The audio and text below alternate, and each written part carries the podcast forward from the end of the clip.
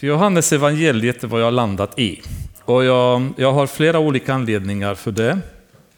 Men eh, det, det jag verkligen kände, det var, jag kände bara för en, en riktigt, riktig kur av Jesus.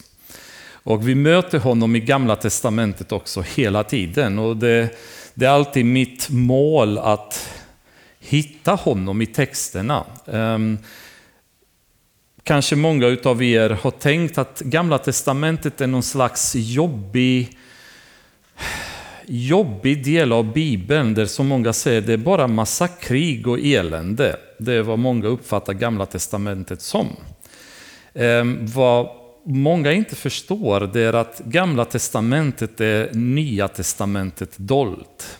Medan Nya Testamentet är Gamla Testamentet uppenbarat. De två delarna av Bibeln de är så otroligt väl förknippade med varandra så att ignorera det ena före det andra kommer förr eller senare leda till mer eller mindre grova misstolkningar av vår tro och vad Gud vill säga till oss. Så um, därför har jag gillat att vi tar en stund i Nya Testamentet, sen går vi tillbaka i Gamla, sen går vi tillbaka i Nya så att vi behåller en balans eh, och förstår sammanhanget i Guds ord. Ehm, men efter hela tiden i första Moseboken så möter vi Jesus väldigt mycket där. Och, jag kände bara nu, nu ska vi dyka i en, en stund med Jesus. Liksom. Och Johannes evangeliet är definitivt en av de absolut bästa för att kunna göra det. Johannes evangeliet eh, betraktas av vissa, och jag har ingen synpunkt kring det, det är säkert eh, diskuterbart och så vidare, men många betraktar det som den djupaste boken i hela Bibeln och den underbaraste boken som finns i Bibeln. Huruvida de har rätt i det eller inte, det återstår att se, men bara det konstaterandet är tillräckligt för mig också så att det vill trygga mig till att säga okej, okay, är det värt att gräva djupare? i det här evangeliet. Vad handlar det här evangeliet om? Och som ni vet att jag brukar alltid när vi går i en ny bok så vill jag alltid ha en introduktion om boken så att vi förstår sammanhanget. Ehm, utan att förstå sammanhanget så är vi allt som oftast ute och cyklar i våra tolkningar av respektive bok. Alltså vad vi vill veta det är vilken författare är, i vilket sammanhang det är skrivet, vad är syftet med boken, vad är nyckelorden som dyker upp i boken. Ehm, och genom att förstå detta, eller när vi begriper detta, så kan vi då tolka boken på ett lite mer korrekt sätt. Oftast villolärorna dyker upp när folk plockar upp verser ur sammanhang och lägger en väldigt tung tolkning i de verserna. Eller att människor väljer att tolka det som är klart i Bibeln med det som är oklart. Det vill säga oklara verser används för att tolka kristallklara verser istället för tvärtom. Och genom att förstå vad författaren vill egentligen säga i boken, det kommer leda oss hela tiden till att tänka när vi kommer till en text. Varför just den här texten? Varför väljs den här texten av Johannes? Varför har han valt det men inte Matteus, inte Markus, inte Lukas som också har skrivit evangelier och så vidare. Så vi kommer titta på hela sammanhanget i det första bibelstudiet och sen nästa gång så dyker vi på riktigt in i boken då. Och första frågan är vem är Johannes? Det dyker upp flera olika Johannes i Nya Testamentet och de två mest framträdande då det är Johannes Eh, aposteln och Johannes döparen. Och den som skriver evangeliet det är ju aposteln Johannes och inte Johannes döparen. Och Johannes han um, var en fiskare.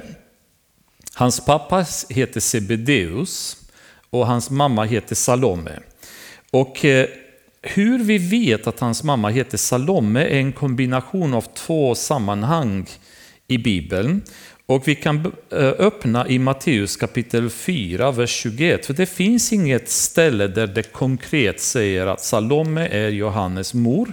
Men om vi kombinerar några verser så ser vi vems pappa är och vem mamma är. Så eh, Matteus kapitel 4, vers 21. Det står... Eh, oj. Jag tror att jag utvecklade dyslexi på gamla dagar för att eh, hela tiden så säger jag Matteus men öppnar i Markus och kan säga Efesiebrevet men öppnar i Filipperbrevet. Så eh, jag vet inte, kan man få dyslexi senare i livet eller är det bara något man är född med? För det blir lite märkligt. Så nu var ju Markus. Tillbaks till Matteus kapitel 4, vers 21. Han gick vidare, det gäller Jesus, och såg två andra bröder, Jakob, Sebedeus son och hans bror Johannes. De satt i båten med sin far Sebedeus och gjorde i ordning sina nät. Han kallade på dem och genast lämnade de båten och sin far och följde honom. Så där har vi redan versen som säger att det var två bröder, Jakob och Johannes. Deras far heter Sebedeus. Och eh, om vi kombinerar Matteus 27, vers 56 så att vi reder ut vem mamma är.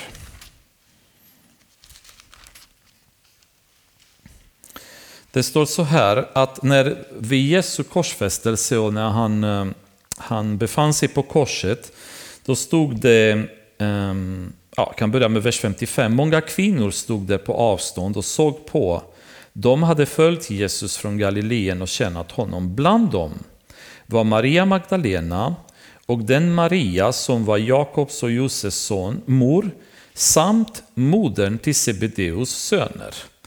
Och då vet vi vem, vem modern till Sebedeus, eller vem Sebedeus söner var. Men här har vi inget namn, utan det, det vi vet bara att modern till Sebedeus söner var där. Men om vi går sen till Markus kapitel 15, vers 40. Då står det så här. Även några kvinnor stod på avstånd och såg på. Bland dem var Maria Magdalena och den Maria som var Jakob, den yngres och Josefs mor, samt Salome. Och från Matteus så vet vi att den tredje kvinnan var mor till Sebedeus söner. Nu har vi hennes namn, hon heter Salome. Så har vi rätt ut namnet på pappan och mamman då hos Johannes och det var Sebedeus och Salome. Hans bror var Jakob som senare också blir apostel och är den första martyren bland apostlarna. Om ni kommer ihåg, ni som var med i eh, Apostlagärningarna när vi körde bibelstudiet kapitel 12, vers 2 så läser vi att han blir dödad med svärd. Den första utav apostlarna som, som eh, led martyrdöd. Och det var ju Johannes bror Jakob. Ehm, så det har vi bröderna, det har vi föräldrarna. Och hans familj verkade vara faktiskt hyfsat välbärgad, alltså de hade det ganska gott ställt. För i Markus, utan att vi går och läser i kapitel 1, 1 vers 16-20, det får vi reda bland annat på att de hade anställda i sitt fiskeföretag. Då. Eh, vilket innebär att det var inte bara familjen som jobbade, utan då hade de också dessutom anställda i företaget. Eh, utöver fiskeverksamheten som de hade i Kapernaum så verkar tyda på att de också ägde en hus, ett hus i Jerusalem därför att när Jesus tilltalade Johannes på korset och ehm, befallde honom att ta hand om Maria, hans mor, så stod det att från och med den dagen så tog Johannes med henne till sitt hem. Vilket många tror kan innebära att han hade redan ett hem i Jerusalem där Maria sen fick komma in och bo. Troligen var Josef, Jesu far, död vid det laget och då var Johannes som fick upp i uppdrag att ta hand om hans mor. Och eh, därför så tros det att det kunde varit så att han hade ett hus i Jerusalem. Ehm, han var initialt en av lärjungarna hos Johannes döparen. Det är kanske något som inte många är insatta i, men han hade redan påbörjat ett lärjungaskap hos Johannes döparen. Det finns till och med en misstanke, en teori, att hans mor och Elisabet, Johannes döparens mor, att de var systrar och därmed möjligtvis Johannes och Johannes döparen var kusiner. Men han hade tidigare varit lärjunge där. Johannes kapitel 1, vers 35-51 har vi eh, berättelsen om det. Och han är en av de första fem lärjungarna som Jesus kallar till sig. Ehm, och eh, senare i livet så kommer ni ihåg kanske som har läst evangelierna att Johannes verkar hela tiden dyka upp i vad man skulle kunna definiera som Jesus inre krets av lärjungar. Det vill säga några lärjungar, oftast Jakob, Petrus och Johannes, som får följa med Jesus när andra inte får följa med honom. När han, ehm, han hade sin bön eh, innan han blev tillfångatagen i Getsemane så tog han med sig alla lärjungarna. Alla blev kvar utom dessa tre som han tog med sig vidare för att vara med honom och stödja honom i bön.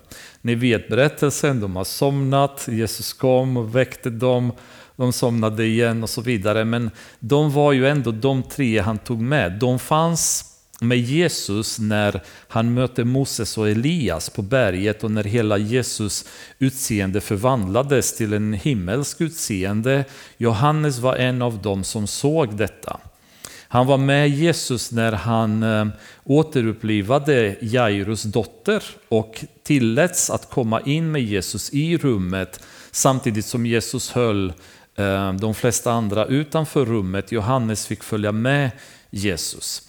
Så han var en av dem som var, hade en extra nära relation eller förtroende från Jesus och tog med honom i situationer när andra fick inte vara med.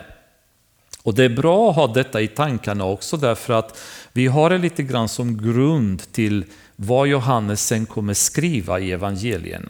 Därför att vi kommer se något helt annat sätt som han skriver sitt evangelium jämfört med Markus, Lukas och Matteus som tyder på en helt annat djup och relation med Jesus. Då. Eh, hans namn nämns inte i Johannes evangeliet någonstans. Utan hans namn nämns i de andra evangelierna, dock inte i Johannes evangelium. Och det beror på att han förmodligen ur ett väldigt tydlig ödmjukhet och önskan att inte dra uppmärksamhet till sig själv eh, väljer att inte utnämna sig själv i de sammanhang då han befann sig utan han använder två andra termer som alltid är relaterade till Johannes. Den ena ehm, bland annat dyker upp i Johannes 18, 15 och 22. Det finns på något mer ställe eller några mer ställen, men bara som exempel. Och det är termen en annan lärjunge. Vi kan bara läsa lite snabbt i Johannes 18, 15 i vilket sammanhang det dyker upp. Simon Petrus och en annan lärjunge följde efter Jesus. Den lärjungen var bekant med översteprästen och kom in på översteprästens gård tillsammans med Jesus. Ehm, anledningen till att jag valde också att läsa 18.15 det är att den här versen eh, talar om för oss att Johannes förmodligen på grund av ställningen eller hur hans familj levde, han var bekant med översteprästen. Så han hade en, en kontakt med översteprästen då som ehm, eh, han utnyttjade i det här läget för att liksom komma in med Petrus. Vet ni förresten att eh, i den här berättelsen som vi är så vana vid att Petrus förnekar Jesus. Visst har vi tänkt i alla år att alla andra lärjungarna försvann, men Petrus han hängde med Jesus. Och så visserligen misslyckades han och förnekade Jesus tre gånger. Vet ni att Johannes också var med? Han var det. Och, jag kommer inte ge, ge er något vers bara för att då kan jag uppmana er att börja läsa ordentligt evangelierna och leta de verserna som kommer tala om för er att Johannes var med. Så slipper ni bara sitta och lyssna, utan nu kommer ni arbeta själva om intresset finns, att börja gräva och se var finns de verserna som talar om för oss att Johannes faktiskt var med Petrus. Dock Johannes har inte förnekat Jesus. Väldigt intressant. Och har det i bagaget för att förstå Johannes som person framöver och hans sätt att vara, hans sätt att resonera bland annat i evangelierna. Mycket intressant för att han befann sig i den här inre kretsen. Han följde med Petrus, följde Jesus, men vi har ingenstans sagt att Johannes förnekade Jesus. Men han hade kontakter med översteprästen, han benämnde sig själv som sagt som en annan lärjunge. Och det vanligaste sättet som vi vet att han benämnde sig själv var, var den som Jesus älskade. Eller lärjungen som Jesus älskade. Och det är ett väldigt um, fint och väldigt ödmjukt sätt att beskriva sig själv. Det vill säga han vill inte ha sitt namn, men han vill samtidigt påpeka hela tiden att Jesus älskade mig. Jesus hjärta klappade för mig. Och han, han hade kärlek för mig. Det finns fem gånger i Johannes evangeliet där detta dyker upp. Det är i kapitel 13, vers 23, 19, vers 26, 20, vers 2, 21, vers 7 och vers 20. Eh, där han beskriver sig själv på det sättet. Och det är den termen som många av oss är vana vid att tänka på när, eh, när vi tänker på Johannes. För i kapitel 13, vers 23, en av de här verserna, det är samma vers där bland annat Jesus innan dess så förklarar att någon av dem kommer förrådda honom. Och då står det att Johannes lutade sig mot Jesu bröst och frågade honom vem det skulle vara som skulle förråda Jesus. Den bilden är någonting som har fullständigt fått oss att få en väldigt felaktig bild av vem Johannes är. Därför att i det sättet som Johannes har presenterats utav väldigt många pastorer, predikanter, målare och så vidare.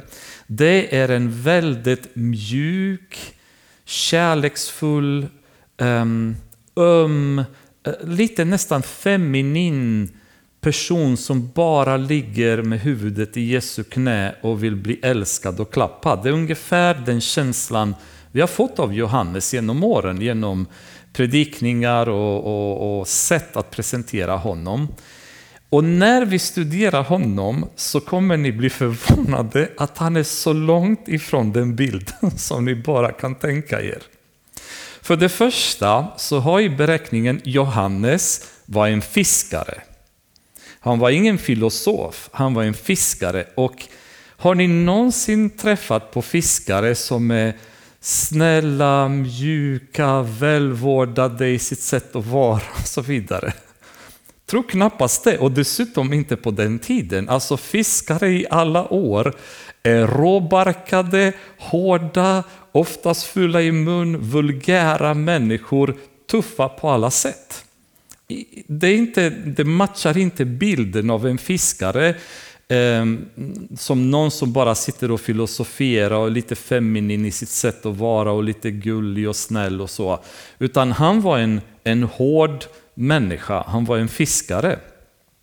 Men om man skulle nog tro på något sätt att det kan vara så att det inte stämmer, då kommer vi vara förvånande och ta reda på att Jesus själv kallade Johannes och Jakob, hans bror, för Boanerges, vilket innebär eh, åskans söner. De här två killarna de var eldiga, de var temperamentsfulla, de var snabba på att, att liksom bli arga kanske eller um, aggressiva i sin inställning. Och nu tycker ni att jag hittar på igen, alltså att jag ger en tolkning som egentligen inte nödvändigtvis Jesus skulle ha gjort. Och det, sånt där är jag väldigt rädd att predika saker som jag själv fantiserar om, utan vi måste låta Bibeln tolka, tolka Bibeln. Och som bevis på att detta stämmer så kan ni öppna i Markus kapitel 9, vers 38. 9.38.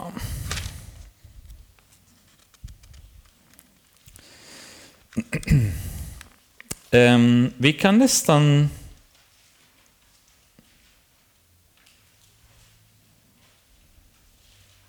Vi kan nästan börja läsa från 33 så får vi sammanhanget. De kom till Kapernaum. När Jesus nu var hemma frågade han dem, vad var det ni talade om på vägen? Men de teg, för på vägen hade de talat med varandra om vem som var den störste. Jesus satte sig ner, kallade på de tolv och sade till dem, om någon vill vara den förste, så ska han vara den siste av alla och allas tjänare. Sedan tog han ett litet barn och ställde det mitt ibland dem, omfamnade det och sade till dem, den som tar emot ett sådant barn i mitt namn tar emot mig, och den som tar emot mig tar inte emot mig utan honom som har sänt mig. Johannes sade till Jesus, Mästare, vi såg en man som drev ut onda andar i ditt namn och vi försökte att hindra honom eftersom han inte följde med oss. Följde oss. Men Jesus sade, hindra honom inte, ingen som gör en kraftgärning i mitt namn kan sedan genast tala illa om mig. Den som inte är mot oss är för oss. Den som ger er en bägare vatten att dricka därför att ni tillhör Kristus, jag säger sanningen, han ska inte gå miste om sin lön. Så Johannes hade blivit irriterad på att den här mannen predikade evangeliet förmodligen och drev ut onda andar i Jesu namn. Han bara sa, vem är du? Liksom, du är inte en av oss. Och gick på honom direkt för att stoppa honom. Är detta ett bevis på att de var hårda, tuffa och sånt där? Mm, kanske, kanske inte. Vi vet inte exakta stämningen. Men nu ska vi eskalera det lite till och gå till Lukas kapitel 9. 9.51 börjar vi läsa. När tiden för hans upptagande var inne vände han sitt ansikte mot Jerusalem fast besluten att gå dit. Han sände budbärare framför sig och de gick iväg och kom in i en samarisk by för att förbereda hans ankomst. Och det är Jesus det handlar om. Men folket tog inte emot honom eftersom han var på väg mot Jerusalem. När lärjungarna, Jakob och Johannes såg det sade de Herre, vill du att vi ska kalla ner eld från himlen som förtär dem? Men Jesus vände sig om och tillrättavisade dem och de gick vidare till en annan by. Nu börjar ni förstå vad det innebär när Jesus kallar dem Boanerges, liksom åskans söner. Alltså de här killarna de, de hade sin, sitt sätt att lösa problem och bara kör eld från himlen och förtär dem allihopa. Liksom. Och Jesus måste hela tiden dämpa dem. Och med den andra mannen de hade stoppat från att driva ut onda andar så säger Jesus igen, lugna ner er. Liksom. Han, han kan inte driva ut onda andar, prata gott om mig och sen vända sig emot mig. Utan um, om han inte är emot oss, då är han med oss. Liksom. Så det, det är gott, låt honom vara. Och sen kommer de till samarierna, ja, vi ska fördärva dem totalt. Och Jesus säger, men lugnt, lugnt, det är inte så vi löser problem. De här, den här var, var Johannes då en, en, en aggressiv, en eldig temperamentsfull person. Så för att förstå hans Eh, förvandling framöver så är det viktigt att vi suddar bort de här söndagsskolebilderna igen. Som vi, har. Vi, har, vi, vi har gått som en detox av söndagsskolekoncept genom våra bibelstudier. Liksom. Eh, Isak var inte ett litet barn när Abraham tog honom för att offra honom. Det är en sån här söndagsskolegrej. Och så vid, alltså vi behöver få bort det för att om vi inte får rätt sammanhang och bild då, får vi, då uppfattar vi inte riktigt på samma sätt vad Jesus gör, vad han säger eller vad Johannes kommer säga. Men han var nog alltså ingen feminin, mjuk, gullig person utan han, han var en ganska tuff, råbarkad person, temperamentsfull och eldig. Och inte bara det. Han var väldigt äregirig. Tror ni på det? För om ni inte tror, då har vi bevis. Matteus kapitel 20 får ni vända till. Lite förvånande faktiskt när man får fram vem Johannes var utifrån vilka bilder man har fått om honom genom åren. Kapitel 20 och så läser vi från vers 20. Då kom modern till Sebedeus söner, vilket, vilka vi vet vilka det är, Johannes och Jakob, till Jesus tillsammans med sina söner. Så mamman släpar med sig de två sönerna till Jesus. Ganska märklig bild, för de här är ju vuxna vid det här laget. Liksom. Men mamman kommer och släpar dem med sig till Jesus. Hon föll på knä och ville be honom om något. Han frågade henne, vad vill du? Hon sade till honom, lova att mina båda söner här får sitta bredvid dig i ditt rike. Den ene på din högra sida och den andra på din vänstra. Och nu kan man säga att det är inte Johannes som var det, utan det är hans mamma som eh, hade lagt sig i.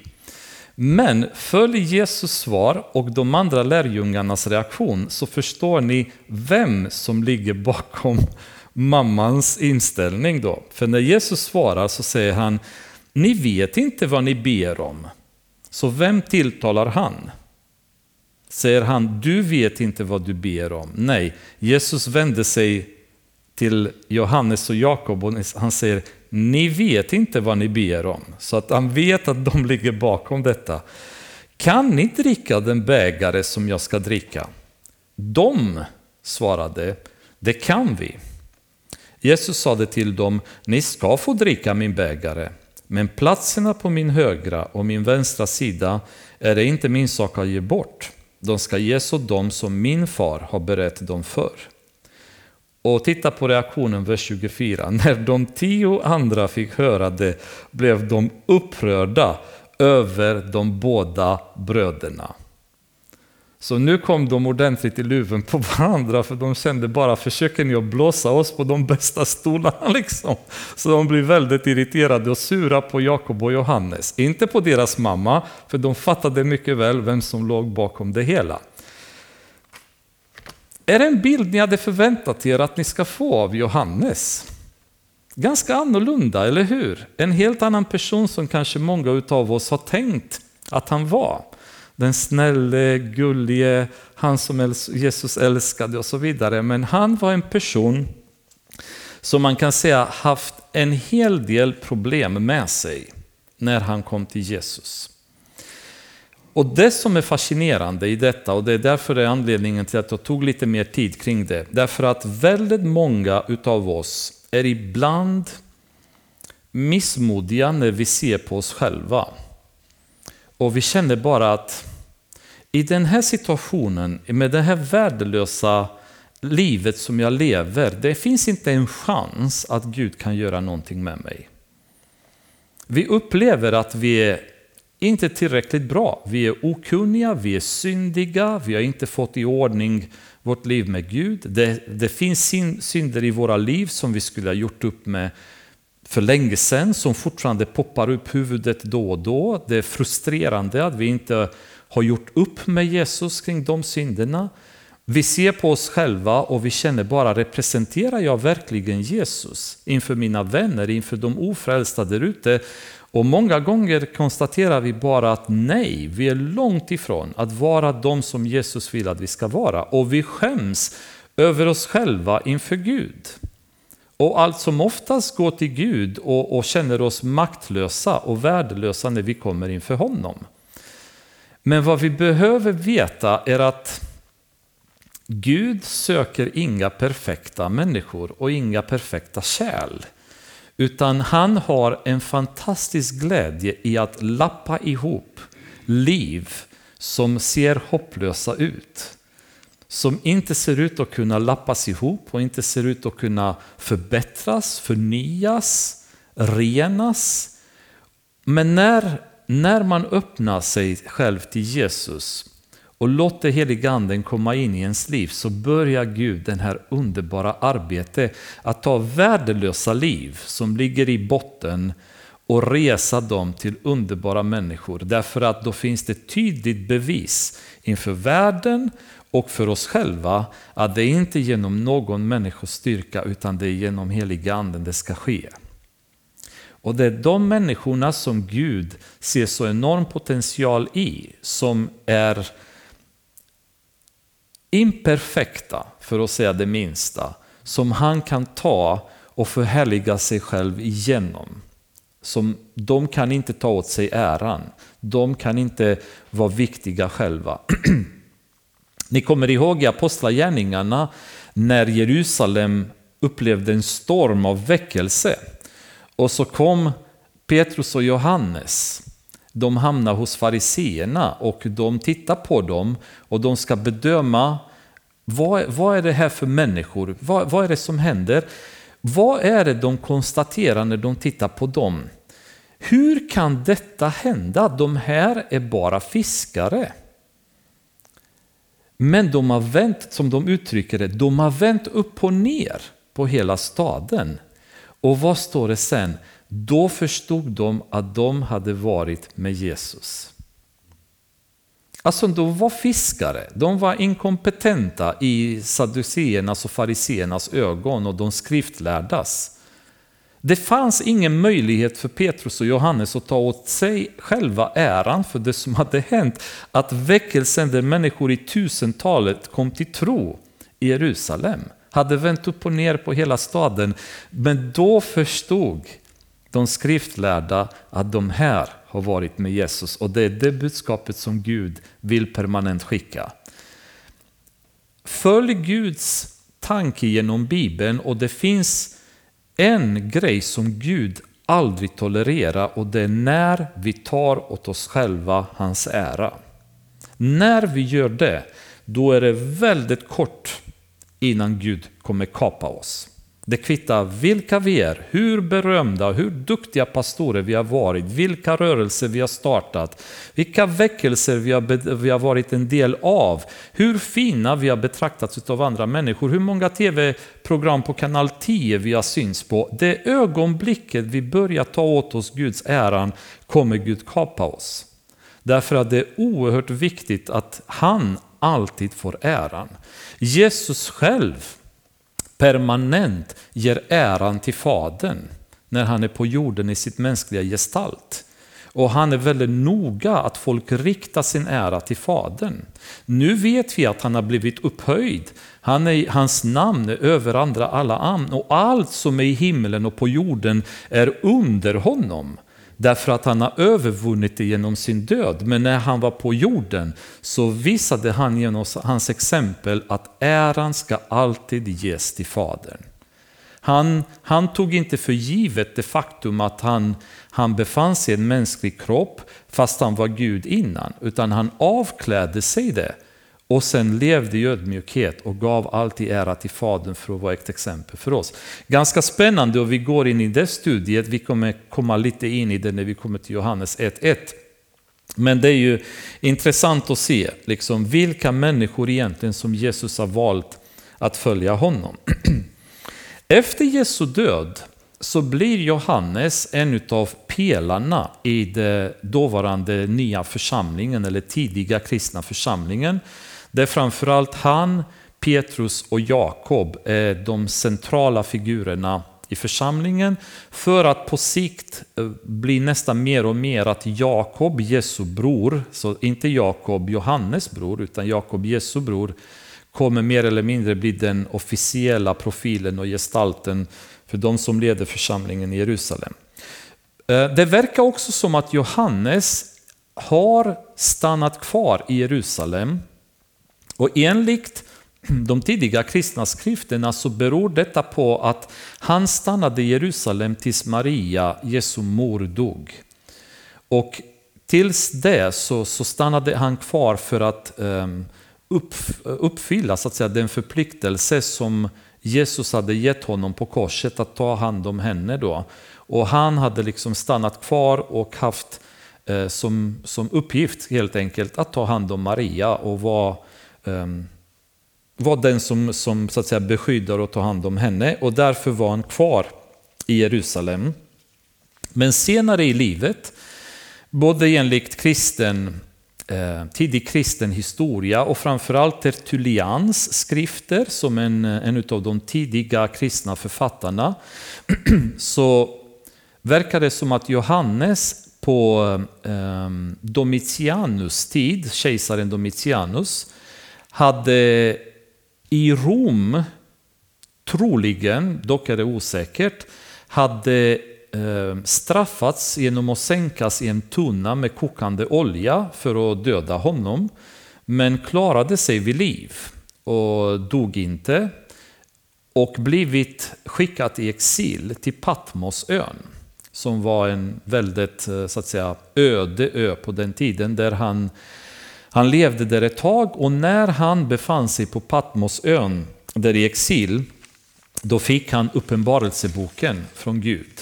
Och eh, där skrev han uppenbarelseboken. Det är också Johannes som ligger bakom första, andra och tredje Johannesbrevet också. Så det är de delar av Bibeln som vi känner till att han har skrivit. Då. Det som är intressant är att det finns en del bevis och de som jämför också texterna och nyanserna i texterna.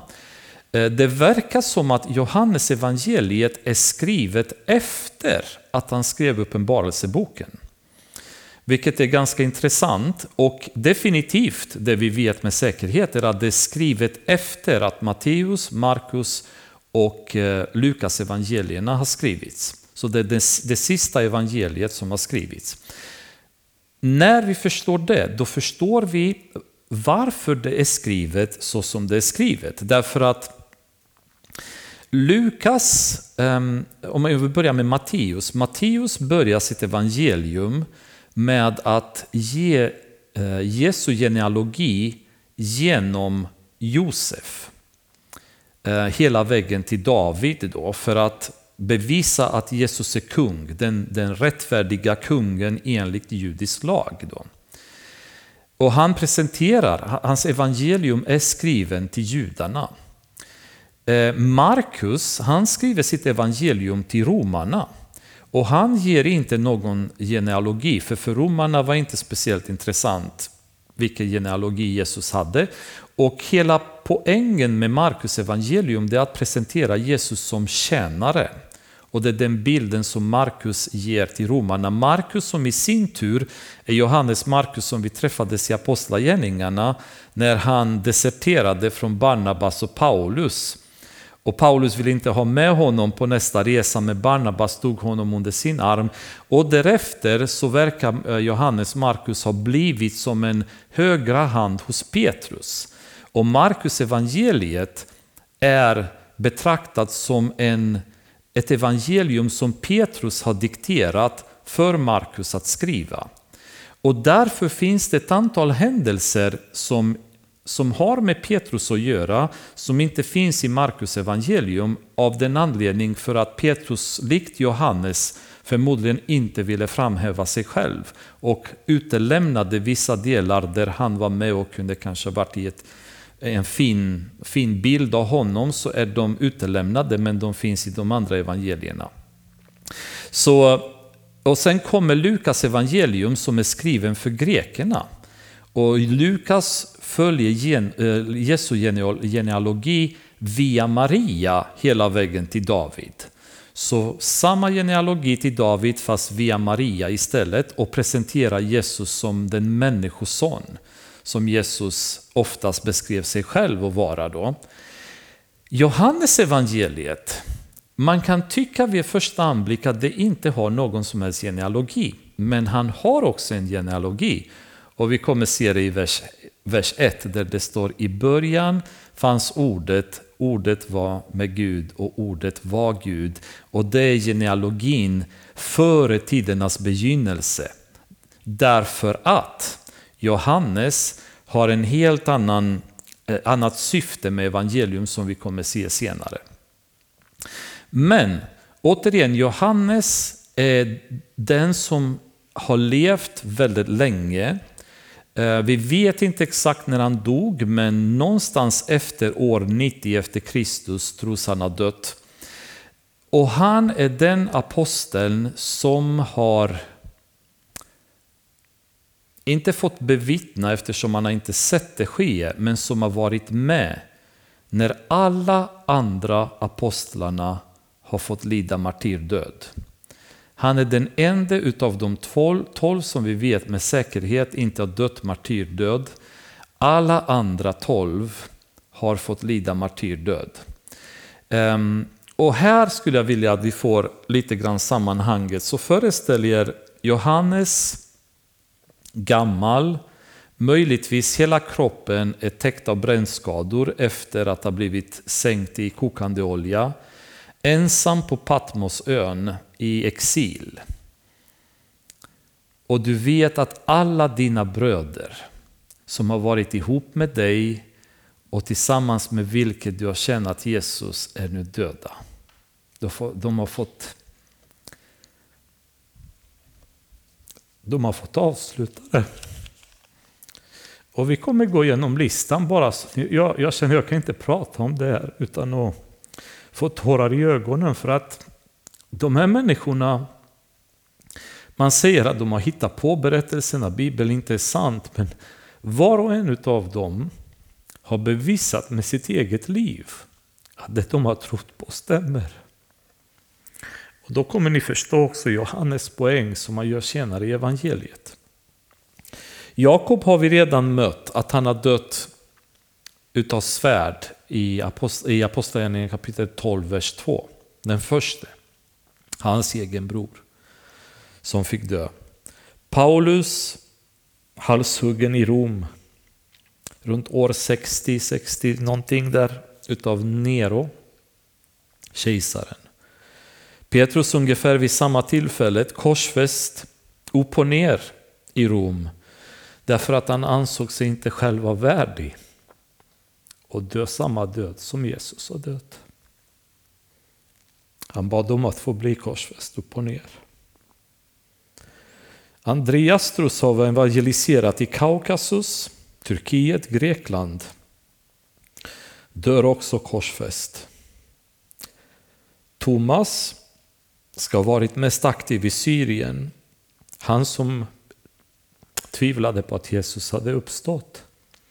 Vad fick den här tvivlaren att vara beredd att ge sitt liv för Jesus sen? Han visste att det var sant. Han sägs ha kommit så långt som till Indien där han ska ha dödats med spjut av fyra soldater. Filippos hade en stark mission i norra Afrika, Kartago och Asia Minor, nuvarande västra Turkiet, där han har dödats av en romersk prokonsul. Matteus har kommit så långt som till Persien och Etiopien. Oklart kring honom, men tros ha blivit huggen till döds. Bartolomeus ska ha kommit ända till Indien med Thomas och tillbaka till Armenien, Etiopien och södra Arabien. Det finns olika teorier kring hur, hur han blev dödad, men dödad blev han. Jakob Alfeusson ska ha varit mest aktiv i Syrien. Enligt Josefus Flavius, som är en judisk historiker, ska han ha blivit klubbad och stenad till döds. Simon Seloten ska ha blivit dödad i Persien på grund av vägran att offra till solguden. Mattias, som ersatte Judas, verkar ha fallit, följt med Andreas och bränts till döds i Syrien. Så Johannes är på gamla dagar och vet vad som har hänt med alla dessa människor. Tror ni hans tro har blivit svagare eller starkare?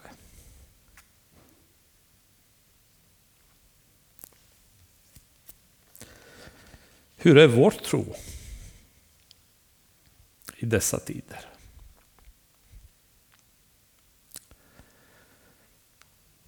Jag ska inte utveckla mer på det, men det, det är så tragiskt när man ser de här människorna, vad de har lidit. För oss. för att ta evangeliet till oss, för att predika Guds ord. Tack vare dem är vi här idag kan man säga. Och tacksamheten som vi har för dem, för Jesus, för Gud, för allt de har offrat. Det att ibland inte ens orka be, inte ens orka läsa hans ord, inte ens orka gå till kyrkan. Det är så vi visar tacksamhet. Det är en ganska skakande bild när man tänker på den här gamle mannen som nu sitter på slutet av sitt liv och ser hur det har gått för alla. Men då sätter han sig ner och skriver ett evangelium som är så magnifik. Jag pratar, talar för oss vem Jesus är. Det är otroligt viktigt att vi förstår detta. Och då kommer vi förstås till frågan varför skrev han evangeliet? Han visste vid det laget att Matteus hade skrivit, Markus hade skrivit, Lukas hade skrivit. Han hade förmodligen läst deras, för när man läser hans evangelium då ser man att det är så annorlunda skrivet, förmodligen för att han inte ville upprepa det som redan hade skrivits av många utav dem. Varför väljer han att skriva ett evangelium? Och han ger oss svaret på detta själv. Och det är ett fantastiskt svar. Och det, det måste vi ha i tankarna hela tiden när vi kommer studera Johannes evangeliet. Det är kapitel 20, vers 30 och 31. Många andra tecken som inte är nedskrivna i denna bok gjorde Jesus inför sina lärjungar. Men dessa har blivit nedskrivna för att ni, ja, ni, de där ute, för att ni ska tro att Jesus är Messias, Guds son. För att ni genom tron ska ha liv i hans namn. Han säger liksom allt det här som jag skriver här har ett syfte. Ni måste tro på att han verkligen var Messias.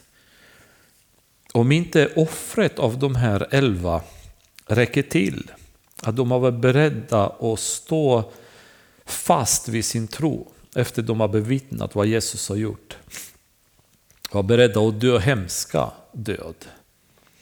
Om inte det räcker till, då skriver jag också det här evangeliet. Om inte de tre andra evangelierna är tillräckligt klara för er att förstå, då skriver jag en fjärde evangelium. Och syftet med det här är att ni ska förstå att Jesus är Guds son.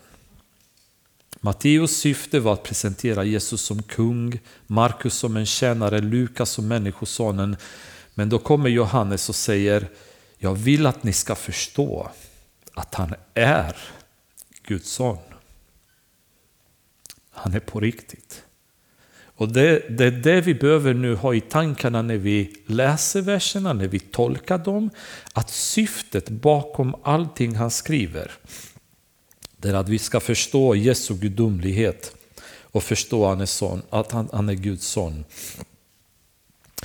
Till skillnad från de andra evangelierna så så skriver Johannes bara om sju mirakel som Jesus har gjort. Matteus är full av dem. Matteus skrev till judarna och vi vet vad Jesus själv har sagt. Judarna kräver mirakel. Och Matteus öser på med massa exempel om vad Jesus har gjort för under.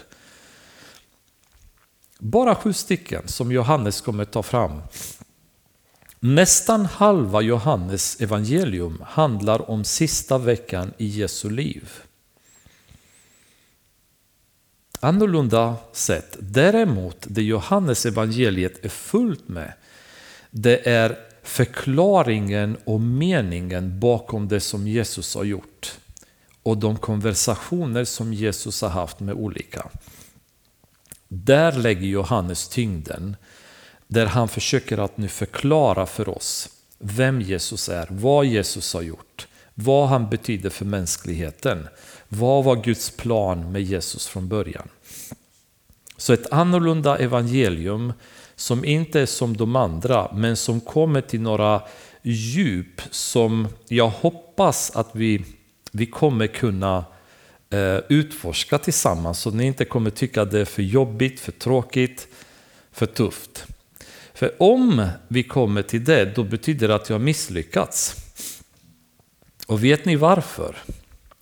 Därför att Johannes evangeliet i originalspråket är det enklaste evangeliet språkmässigt. Tydligen så använder han väldigt få grekiska ord, så han använder, en del säger uppemot 600 olika grekiska ord har Johannes bara använt för att skriva evangeliet. Och språket är så enkelt så många ser det som att ett barn skulle ha skrivit det på grekiska. Så syftet med evangeliet från Johannes sida var vem som helst ska kunna förstå djupet av det här brevet. Och det är skrivet på ett enkelt sätt och det ska bli förståeligt. Det kommer ni inte tro att det stämmer när ni kommer se vilket enormt djup det har. Men så var syftet. Ganska intressant också att ha i bakgrunden att hans syfte att det här ska vara lättförståeligt. Vem som helst ska kunna läsa, vem som helst ska kunna förstå att Jesus är Guds son och genom det kunna få frälsning. Vi avslutar här idag och så fortsätter vi vidare. Så vi kommer dyka i, vers, i kapitel 1, vers 1. Jag vet inte om vi kommer hinna mer än ett vers 1 nästa gång. Men vi, kom, vi kommer behöva hitta ett sätt att navigera genom boken så att jag inte tröttar ut er. Men samtidigt inte missar det budskap som Johannes vill förmedla.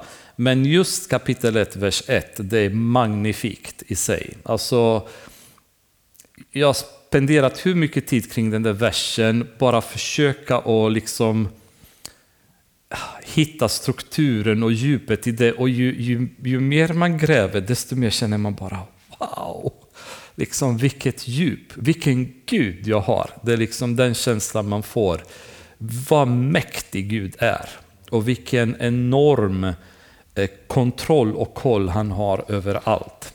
Men det lämnar vi till nästa gång och eh, vi tackar Gud för ikväll. Fader, vi tackar dig för att du har genom dessa människor gett oss exempel, Herre. Exempel för oss att följa, exempel för oss att få inspiration från, Herre. Och Fader, du ser hur vi oftast, många av oss, är missnöjda över våra liv, med inkluderat Fader. Om det, om det är någonting som man skulle vilja så skulle man önska någon gång att man kan komma och bara känna, åh, jag, jag, jag är så som du vill att jag ska vara. Men jag vet att jag inte är där Fader och det känns alltid tungt, det känns alltid jobbigt att se. Men Herre, jag ber att du ska se till oss som kärl som du kan använda, Herre, som din helige Ande får göra vad han vill med oss, Herre. Och ibland innebär det lidande, ibland innebär förföljelse, ibland innebär nöd. Men Fader, om det är det som krävs för att vi ska vara i din vilja och att din vilja ska kunna ske igenom var och en av oss så ber jag i Jesu namn att det må så vara. För vi vet att du inte kommer leda oss i prövningar som du inte ger oss styrka att gå igenom, Herre. Vi vet att du inte leder oss på mörka väggar där det inte finns ett ljus tänt för oss, Herre. Vi tackar dig för att du är en fader som vi kan lita på. Ditt ord står fast. Dina löften viker aldrig. Och allting du har sagt till oss, Herre. En, en kista full av löften av alla dess typer, Herre. Allt det här är sant och allt det stämmer. Jag tackar dig, Herre, för vår underbara frälsare, Herren Jesus. Jag ber att du ska öppna våra ögon att lära känna honom mer, Fader, nu när vi gräver i de här orden. Att han ska bli oss mer kär än han var innan. Och att vår längtan efter att komma till honom och stå vid hans fötter och bara kunna njuta av närvaron, Herre, ska bli större. Vi längtar Fader efter den dag när det inte behövs en sol därför att lyset från din tron är så stark Herre. När glädjen aldrig tar slut. När vi kommer träffa alla som har, som har dött Fader, alla som har tjänat dig. Och vi kan vara tillsammans en familj. Jesu Kristi brud, Herre. Ja, Fader, jag ber att du ska ge oss den längtan och bara ge oss hela tiden, låt det koka i våra hjärtan. Låt det aldrig låta oss vara nöjda med att leva i synd och, och, springa i världen och leta efter världsliga saker. Utan varenda gång vi gör det, Fader, låt det bara gnaga oss och bara ropa tillbaka oss till dig, Herre. Till den punkt när våra liv blir fullständigt överlämnade till dig. Utan några kompromisser, utan några försök att leva efter världen, Herre. Och vi ber detta i vår underbara frälsares Jesu Kristus namn. Amen.